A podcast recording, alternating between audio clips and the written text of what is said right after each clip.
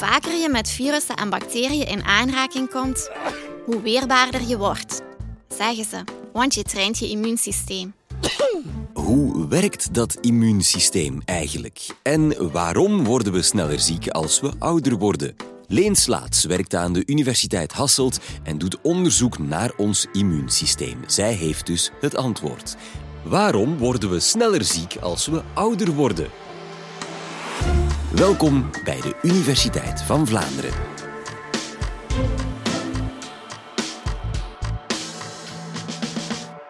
Misschien is het jou ook al eens overkomen. Je voelde je overdag al een beetje moe, maar je had er niet veel aandacht aan besteed. Maar s'avonds voel je je grieperig en blijkt dat je koorts hebt. En je denkt, oh nee, en ik ben vandaag nog bij opa en oma op bezoek geweest. Ik zal die toch niet besmet hebben? De coronacrisis heeft ons nog eens duidelijk gemaakt dat ouderen kwetsbaarder zijn voor infecties. Maar waarom is dat eigenlijk zo? Wel, ons immuunsysteem blijkt te veranderen wanneer we ouder worden. Dat onderzoeken wij aan het Biomedisch Onderzoeksinstituut van de U Hasselt. Maar wat doet dat immuunsysteem dan precies? Ons immuunsysteem verdedigt ons lichaam tegen hele kleine organismen, micro-organismen die ons ziek maken. Denk maar aan virussen, bacteriën, schimmels en parasieten. De cellen van ons immuunsysteem kan je vergelijken met soldaten. Ze moeten een onderscheid kunnen maken tussen iets gevaarlijks en iets ongevaarlijks. Ze patrouilleren constant alle uithoeken van ons lichaam om indringers te herkennen en uit te schakelen. En als er een ziekteverwekker ons lichaam binnendringt, dan gaat ons lichaam grote hoeveelheden ontstekingsstofjes aanmaken. En dit is een signaal voor ons immuunsysteem, ons verdedigingsleger, om in actie te komen. We hebben verschillende soorten soldaten die dan aan het werk gaan, elk met hun eigen wapens. Voor de verdediging tegen virussen werken bepaalde immuuncellen, de B-cellen en T-cellen, heel goed samen. De B-cellen maken antistoffen aan als wapens die aan het virus binden en het eigenlijk omsingelen. En daardoor kan het virus moeilijker onze cellen binnendringen. En wanneer het virus bedekt is met die antistoffen, kunnen andere immuuncellen het virus ook gemakkelijker herkennen. En als een virus er toch in slaagt om onze lichaamcellen binnen te dringen, dan zal het zich daar gaan vermenigvuldigen. En het is natuurlijk belangrijk dat die virusproductie zo snel mogelijk gestopt wordt. Gelukkig worden die besmette cellen herkend door soldaten, speciale T-cellen. Die zullen de geïnfecteerde lichaamcellen uitschakelen. Dus de B-cellen gaan antistoffen afvuren op het virus. En wanneer het virus zich in onze cellen verstopt heeft, zullen speciale T-cellen die gaan doden. Maar wanneer we ouder worden, gaat de werking van die B- en T-cellen veranderen. Wat gebeurt er dan precies? Wel, daarvoor moeten we eerst begrijpen hoe ons immuunsysteem werkt als we jong zijn. Laat ons eens bij het prille begin beginnen. Jouw leven en dat van je immuunsysteem is begonnen tijdens je ontwikkeling in de baarmoeder. Maar je immuuncellen, je soldaten, konden de vreemde indringers op dat moment nog niet zo goed uitschakelen. Ze waren nog niet zo goed getraind. Gelukkig zitten babytjes in de baarmoeder in een vrij goed beschermde omgeving. We noemen die relatief steriel. Dat betekent dat de meeste micro-organismen niet tot bij jou konden geraken toen je nog in de baarmoeder zat. Er zijn wel enkele uitzonderingen en denk maar aan de parasiet die toxoplasmose veroorzaakt. Die kan in rauw vlees voorkomen en die kan wel gevaarlijk zijn voor een ongeboren kindje. Daarom mag een zwangere mama geen rauw vlees eten. Maar over het algemeen zat jij als baby dus vrij goed beschermd in de buik van je mama. En je kreeg op dat moment zelfs een belangrijke bescherming van haar. Haar wapens, haar antistoffen, die konden doorheen de placenta, de moederkoek, tot bij jou geraken. Dus samen met voedingsstoffen ontving je ook een belangrijke bescherming tegen infecties. Maar dan kwam dat moment waarop jij die beschermde omgeving van de baarmoeder verlaten hebt. Wanneer we geboren worden, komt ons lichaam plots in contact met die vreemde buitenwereld, vol micro-organismen. Je kwam als eerste in contact met het microbioom van je mama. Het microbioom bestaat voornamelijk uit bacteriën, maar ook bijvoorbeeld uit schimmels en virussen die op en in ons lichaam leven. Denk maar aan je huid en je darmen, die zitten vol bacteriën. En toen je geboren werd en doorheen het geboortekanaal ging, kwam je voor het eerst in contact met die micro-organismen die op het slijmvlies rond de vagina en de anus van je mama leefden.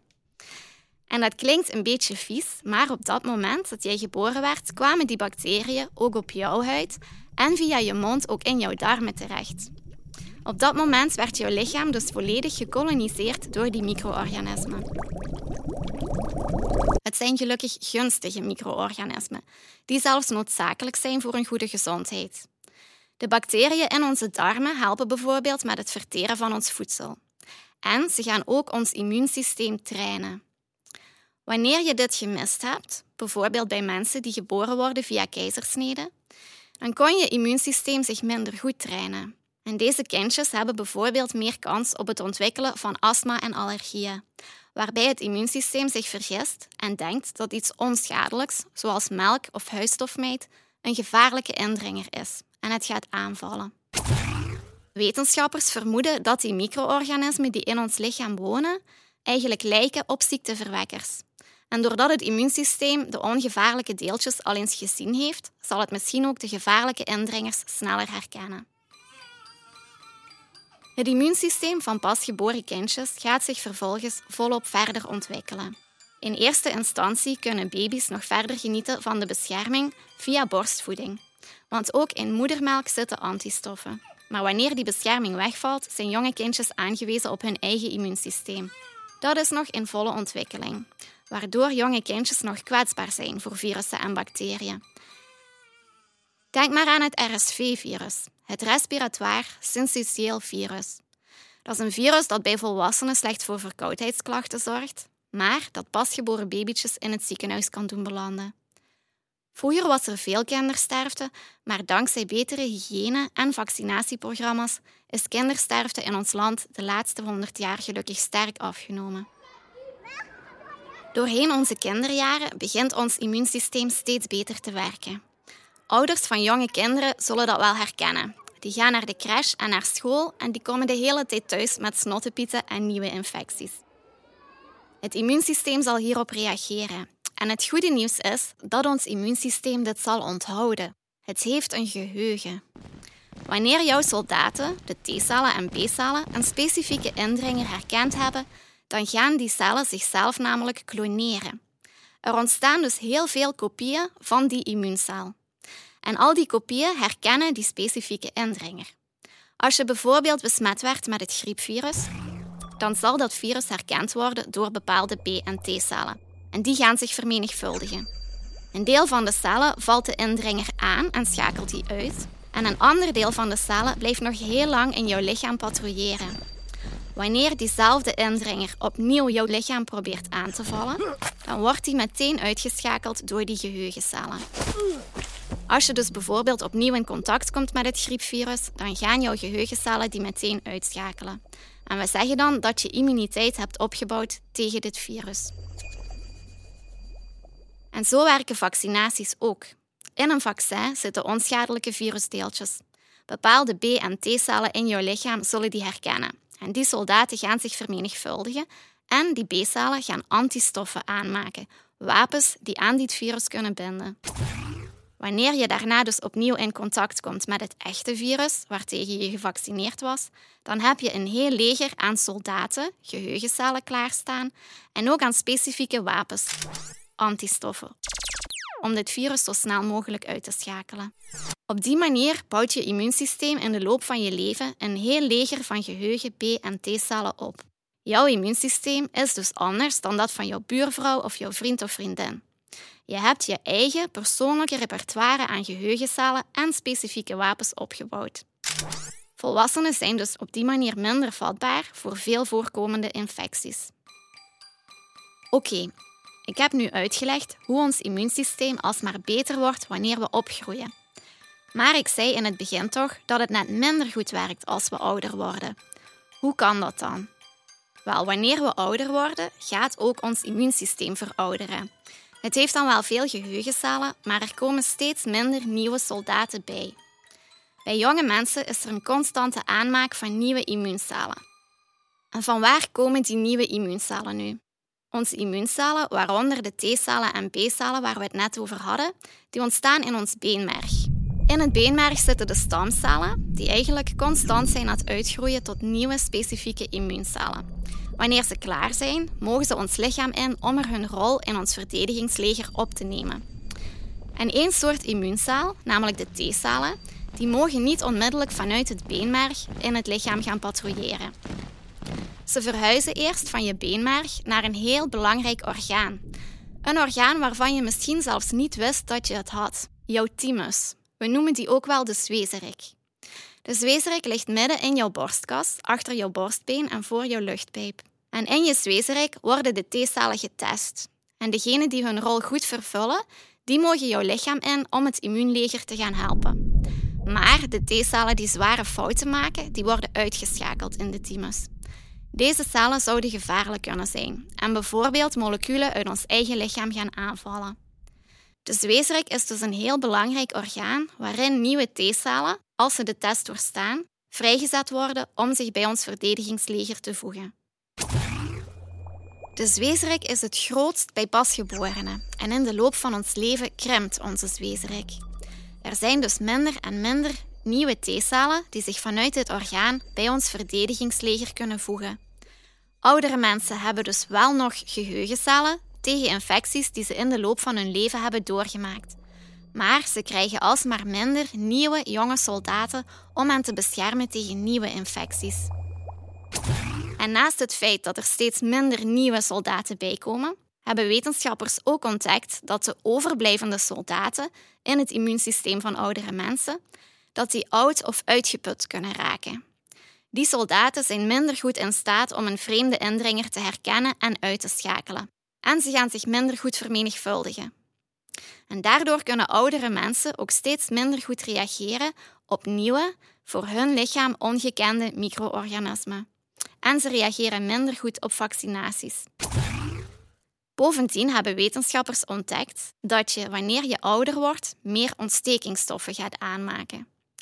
Normaal maakt ons lichaam grote hoeveelheden van die ontstekingsstoffen alleen aan wanneer er een infectie is of schade. Maar bij veel oudere mensen vinden we die ontstekingsstofjes constant terug in het bloed.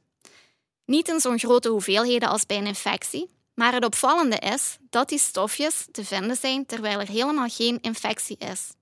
Er is constant een zwak ontstekingssignaal, een chronische ontsteking. Die leidt op zichzelf niet tot een bepaalde ziekte, maar het zal de verouderingsprocessen in het lichaam gaan versnellen.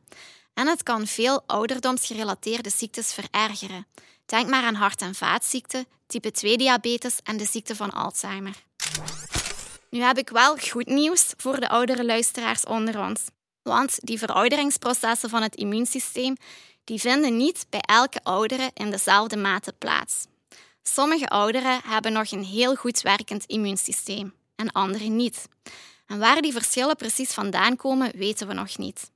Het heeft deels met je genen te maken, goede genen voor een goed immuunsysteem, en ook deels met je levenswijze.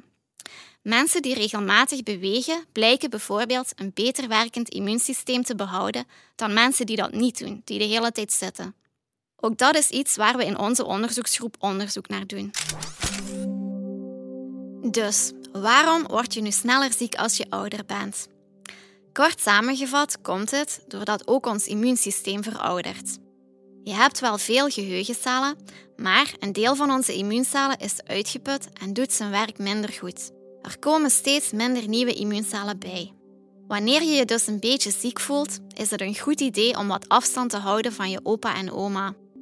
Maar als het om een veel voorkomend virus gaat, dan zou het best wel eens kunnen dat je opa of oma het sneller verslaat dan jezelf.